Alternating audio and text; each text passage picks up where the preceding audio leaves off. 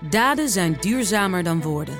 Bij PwC geloven we dat de uitdagingen van de toekomst vragen om een ander perspectief. Door deze uitdagingen van alle kanten te bekijken, komen we samen tot duurzame oplossingen. Zo zetten we duurzaamheidsambities om in acties die ertoe doen. Ga naar pwc.nl. Den Haag.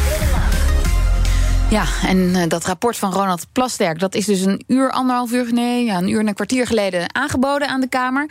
En daarin staat dat PVV, VVD, BBB en NSC nog steeds verder kunnen praten over een mogelijk kabinet. Althans, in de ogen van Ronald Plasterk. Over de vorm van zo'n kabinet doet hij dan weer geen uitspraken. Dat weet politiek verslaggever Mats Akkerman allemaal, want hij las de zeven A4'tjes. Ha, Mats. Hi, goedemiddag. Ja, dus Plasterk is wel ja, standvastig in, in de zin dat hij vasthoudt aan deze combinatie van vier partijen. Ja, hij schrijft niet letterlijk in het eindverslag van het moet een combinatie van deze vier partijen zijn. Uh, maar hij schrijft in zijn zes punten die hij als conclusies uh, opschrijft wel een paar dingen die er wel naar wijzen. Uh, onder andere gaat het dan over het weggaan van NSC van tafel, hè, wat vorige week gebeurde. Maar hij zegt dat ondanks dat weggaan van tafel en dat hij daardoor niet helemaal al zijn gesprekken kon afronden, neemt dat naar zijn indruk niet weg dat het bereiken van overeenstemming niet is uitgesloten en zeer wel kan worden bereikt. Dus okay. tussen deze vier partijen. Zo van, um, schrijf maar weer aan en dan praten we verder en dan, dan is er nog een, een horizon. Ja, precies. Dus uh, ja, hij ziet toch die aanknopingspunten voor die vier partijen om er wel uit te komen. En wat er verder ook op hint dat het deze vier partijen moeten uh, zijn, schrijft hij bij punt 5 van zijn conclusies. Vorming van een kabinet dat goed recht doet aan de verkiezingsuitslag, inclusief de grote verschuivingen die daarbij hebben plaatsgevonden. Nou, daarbij hint hij natuurlijk heel duidelijk op PVV en NSC, vooral de grote winnaars, maar ook wel BBB, die ook mm -hmm. uh, naar zeven zetels ging. Dus zegt eigenlijk, hè, dit is een logische combinatie als ja. je deze verkiezingsuitslag pakt. Er zijn aanknopingspunten om verder te praten en dat kan dan in een volgende fase zeker wel gaan gebeuren. En je zijn het zes punten. Ik zie allemaal onderstrepingen in jouw ja. aantekeningen, in jouw print. neem ons eens even mee, wat zijn die andere punten? Ja, punt 1 is eigenlijk een hele logische, namelijk dat er sinds de verkiezingen geen verschuivingen zijn geweest in de Tweede Kamer. De zetelverdeling is nog hetzelfde als toen. Uh, ja, dat is een makkelijke. We hebben niet nieuwe verkiezingen gehad. Precies, en er zijn ook nog geen mensen overgestapt oh, bijvoorbeeld. Ja, zin. dat soort okay, dingen. Ja. Punt 2 kunnen we zo wat uitgebreider op ingaan. Dat is dat er dus een basislijn tussen de vier partijen is afgesproken over het waarborgen van de grondwet, de grondrechten en de democratische rechtsstaat. Hij noemt dat een belangrijke conclusie ook voor later in het proces. Nou, we kunnen zo wat dieper ingaan ja. op de afspraken die er wel liggen en de kanttekeningen daarbij. Conclusie 3 is dus wat ik net zei, ondanks dat NSC van tafel is, uh, denk ik nog steeds dat er zeker uh, perspectief is op overeenstemming tussen de partijen. Punt 4 dan gaat over de vorm van het kabinet. Daarover schrijft hij: De vorm van een kabinet was niet het onderwerp van de nu afgesloten informatieronde.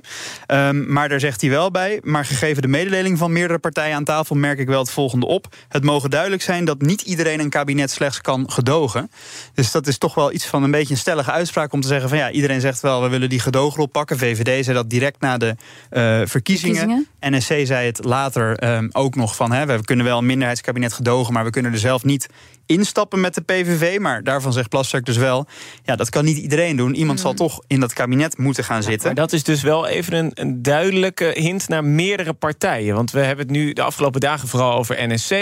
Die zou en VVD. willen Maar VVD heeft, dogen, ja. VVD heeft het in het openbaar gezegd, hè? twee dagen na de verkiezingen. Dus er zijn Ja. twee Ja, maar we partijen zijn waarvan we ondertussen ook weten... weer 80 dagen verder. Zeker, zeker. Maar eigenlijk is inderdaad, bij VVD weten we nog niet of ze op dat standpunt zijn teruggekomen. Het wordt niet meer door de partijleider Dylan Jezelkus gezegd, maar ze heeft het ook niet teruggenomen. Bij NSC was het inderdaad iets wat aan het begin uh, van de formatie al werd gezegd. Toen met dat gelekte papiertje onder de arm van omzicht. Um, en wat die eigenlijk dus niet in is veranderd van standpunt. Um, En bij welk punt zijn we nu? uh, nou, de laatste twee. Nou, punt 5 wat ik dus eigenlijk net al zei... Ja. dat het moet recht doen aan de verkiezingsuitslag... waarmee Plasterk dus gewoon hint over rechts zou logisch zijn. En de laatste, toch nog wel een opvallend puntje, punt 6... is ik adviseer een nieuwe informateur te benoemen... met ruime bestuurlijke en politieke ervaring. Kijk. Met dan de nadruk op het woord nieuwe. Ja, dus, iemand hij, anders. hij bedankt voor de eer.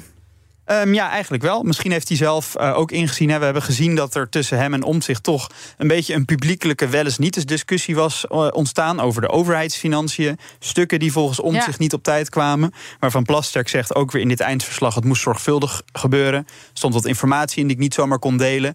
Dat noemde hij toen publiekelijk flauwekul, wat Omtzigt daarover zei.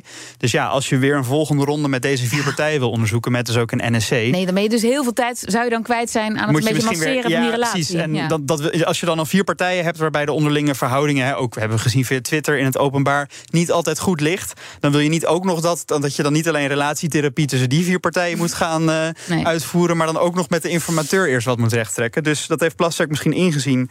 Uh, en dus het advies om een nieuwe informateur te zoeken. En die taak komt dan bij Geert Wilders uh, te liggen, want die heeft het initiatief daarin.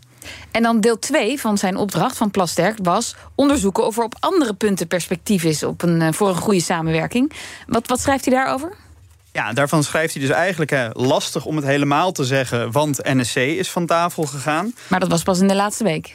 Ja, precies. En hij zegt er dus wel over: hè, we zijn niet uh, toegekomen om antwoord te geven op die vraag of dat perspectief er is, omdat NSC zich heeft teruggetrokken. Maar wel, uh, hè, um, nou ja, dat er bij hem wel de indruk ontstaat dat afspraken maken daarover wel mogelijk is. En hij zegt ook: ja, uh, we hebben nog niet partijen concessies laten doen aan elkaar, want je gaat pas concessies doen. Als, hè, ik doe pas een concessie als jij een concessie doet, maar dan zit je al echt in de fase van afspraken maken. Dat was niet deze opdracht, dus dat hebben we ook niet gedaan. dus dat zou echt iets zijn wat in het vervolg onderzocht zou moeten worden. En welke afspraken zijn er nou over het waarborgen van de democratische rechtsstaat? Want je zei al aan het begin van het programma dat daaraan voldaan zou zijn, alleen dat NSC dat dan weer niet vindt. Ja, het is een beetje ingewikkeld. Ik zal het goed proberen uit te leggen. Kijk, de opdracht van Plasterk was om eerst een gezamenlijke basislijn daarover af te spreken. Over het waarborgen van de grondwet. Um, er is een pakket afspraken gemaakt door de partijen. Het zijn in totaal zeven punten. Ik zal zo de belangrijke conclusies uh, daarvan doornemen. Uh, dat pakket is op 9 januari, is dat zeg maar een soort van. Mm -hmm afgetikt. Uh, dus toen waren ze klaar met die gesprekken daarover.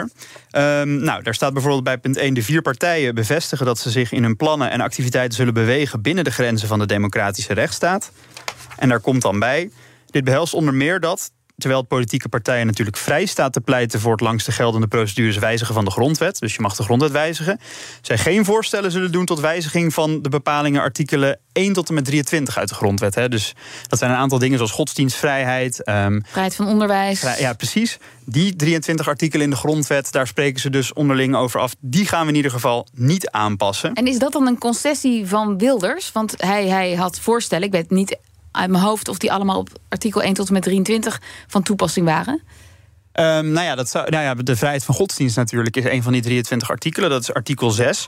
Daar staat ook weer een specifiek punt over. Dat is punt 4. Uh, daar staat bij uitvloeisel van het ondereengestelde. Alle godsdiensten in Nederland, zoals bijvoorbeeld christendom en islam, vallen onder de vrijheid van godsdienst, zoals geborgd in artikel ja. 6. Een artikel wat dus niet aangepast gaat worden. Dus je kunt geen Korans verbieden, geen moskeeën sluiten. Precies, dat staat daarop. Precies, ja. maar er staat dan wel weer een toevoeging die wel weer uh, het PVV-standpunt misschien wat beter uh, vertegenwoordigt. Namelijk, die vrijheid brengt ook met zich mee dat religiekritiek, bijvoorbeeld kritiek op islam en christendom, vrij staat aan personen en organisaties.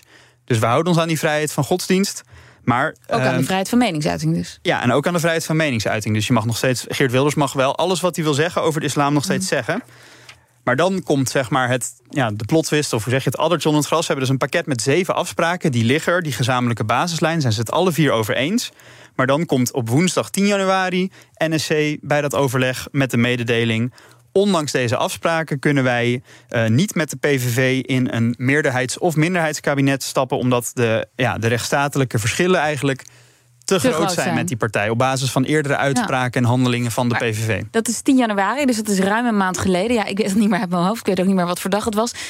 Kun jij je dat nog herinneren? Was er een andere sfeer toen in Den Haag? Hebben we daar iets nee, van mee nee, dit is, dit is dus gebeurd op de, de Zwaluweberg, waar ze toen met elkaar zaten. Dat landgoed in Hilversum. In, uh, nabij Hilversum, inderdaad. En dat was de tweede dag. Dus we kwamen op dinsdag aan. Toen hebben ze woensdagochtend, heeft NSC dus de mededeling gedaan. Um, Oké, okay, deze afspraken kunnen we ons in vinden, maar we gaan niet in een meerderheids- of minderheidskabinet met de PVV. De andere drie hebben daarvan kennis genomen. Dus die hebben gezegd: oké, prima. Maar omdat Plasterks opdracht niet ging over de vorm van een kabinet, zijn ze toen dus wel naar punt 2 van zijn opdracht gegaan om over andere onderwerpen te praten. Maar dat is wel opvallend, want toen uh, Pieter Omtzigt vorige week in één keer zei: van ik kom niet meer aan tafel, het is klaar. Toen hoorden van de andere drie partijen: huh? Uh, waar komt dit in één keer vandaan? Terwijl ze dat dus eigenlijk al 10 januari wisten. Nou, ze wisten toen in ieder geval al dat hij dus toen al had gezegd: ik ga niet in een meerderheidskabinet of minderheidskabinet met de PVV. Maar ik wil dus wel inhoudelijk over andere onderwerpen verder praten. Om bijvoorbeeld te kijken of er andere vormen mogelijkheid ja. uh, zijn. Zoals een minderheidskabinet ja. van die andere drie, waar om zich dan gedoogsteun aan zou geven. En vanochtend in Den Haag was er nog een laatste bijeenkomst met Plasterk en Omtzigt.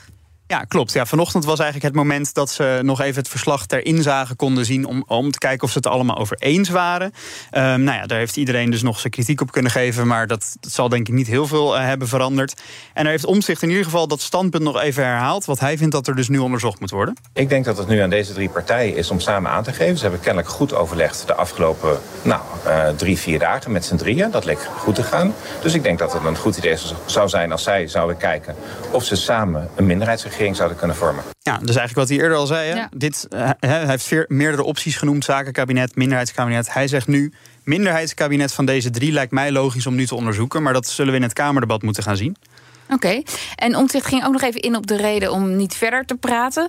Um, wat, heeft hij, wat heeft hij nog gezegd? Ja, nou Alleen dit. Hij heeft over die financiën gezegd. Uh, de overheidsfinanciën staat ook een heel uitgebreid stuk nog ja. over in het verslag. Maar um, hij heeft daarover gezegd dat was eigenlijk de druppel die de emmer deed overlopen. Want het, het, leek een beetje alsof die nieuwe informatie over overheidsfinanciën de reden was om van tafel te gaan. Er zouden nog veel meer mogelijke tegenvallers zijn, bleek uit navraag bij alle ministeries.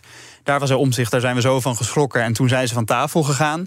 Daar heeft hij vanochtend nog over gezegd. Dat was de druppel. En dat kwam bovenop de verstandhoudingen die al niet goed waren. En komt dat ook een beetje uit die bijlagen waar je het net over had? Die 80 pagina's aan bijlagen. De, de bijlagen heb ik zelf nog niet gezien. Maar Plasterk gaat er ook echt wel in het verslag op in over hoe dat is gelopen. Hij zegt, nou ja, um, die uitvraag was gedaan op verzoek uh -huh. van NSC. Ik kreeg die stukken op een gegeven moment binnen. Um, nou, daar bleek dat daar staatsgevoelige informatie in stond. Dus ik moest dat dubbel checken. Ik kon dat pas aan de partijen laten zien nadat ze een geheimhoudingsverklaring hadden getekend. En nou ja, Plasterk ontkende dus in ieder geval het beeld dat die stukken mm. treuzelig door hem werden achtergehouden. En dat het allemaal zo snel mogelijk is gegaan. Hij merkte bovendien bij op dat het niet gebruikelijk is dat dit soort stukken tijdens de formatieperiode zal worden opgevraagd. En hij zegt ook nog: een groot deel van de mogelijke tegenvallers was op enige wijze al bekend bij de Tweede Kamer. Dus misschien ook nog wel weer een klein. Uh, subtiel sneertje ja. met Pieter Omtzigt. Ja.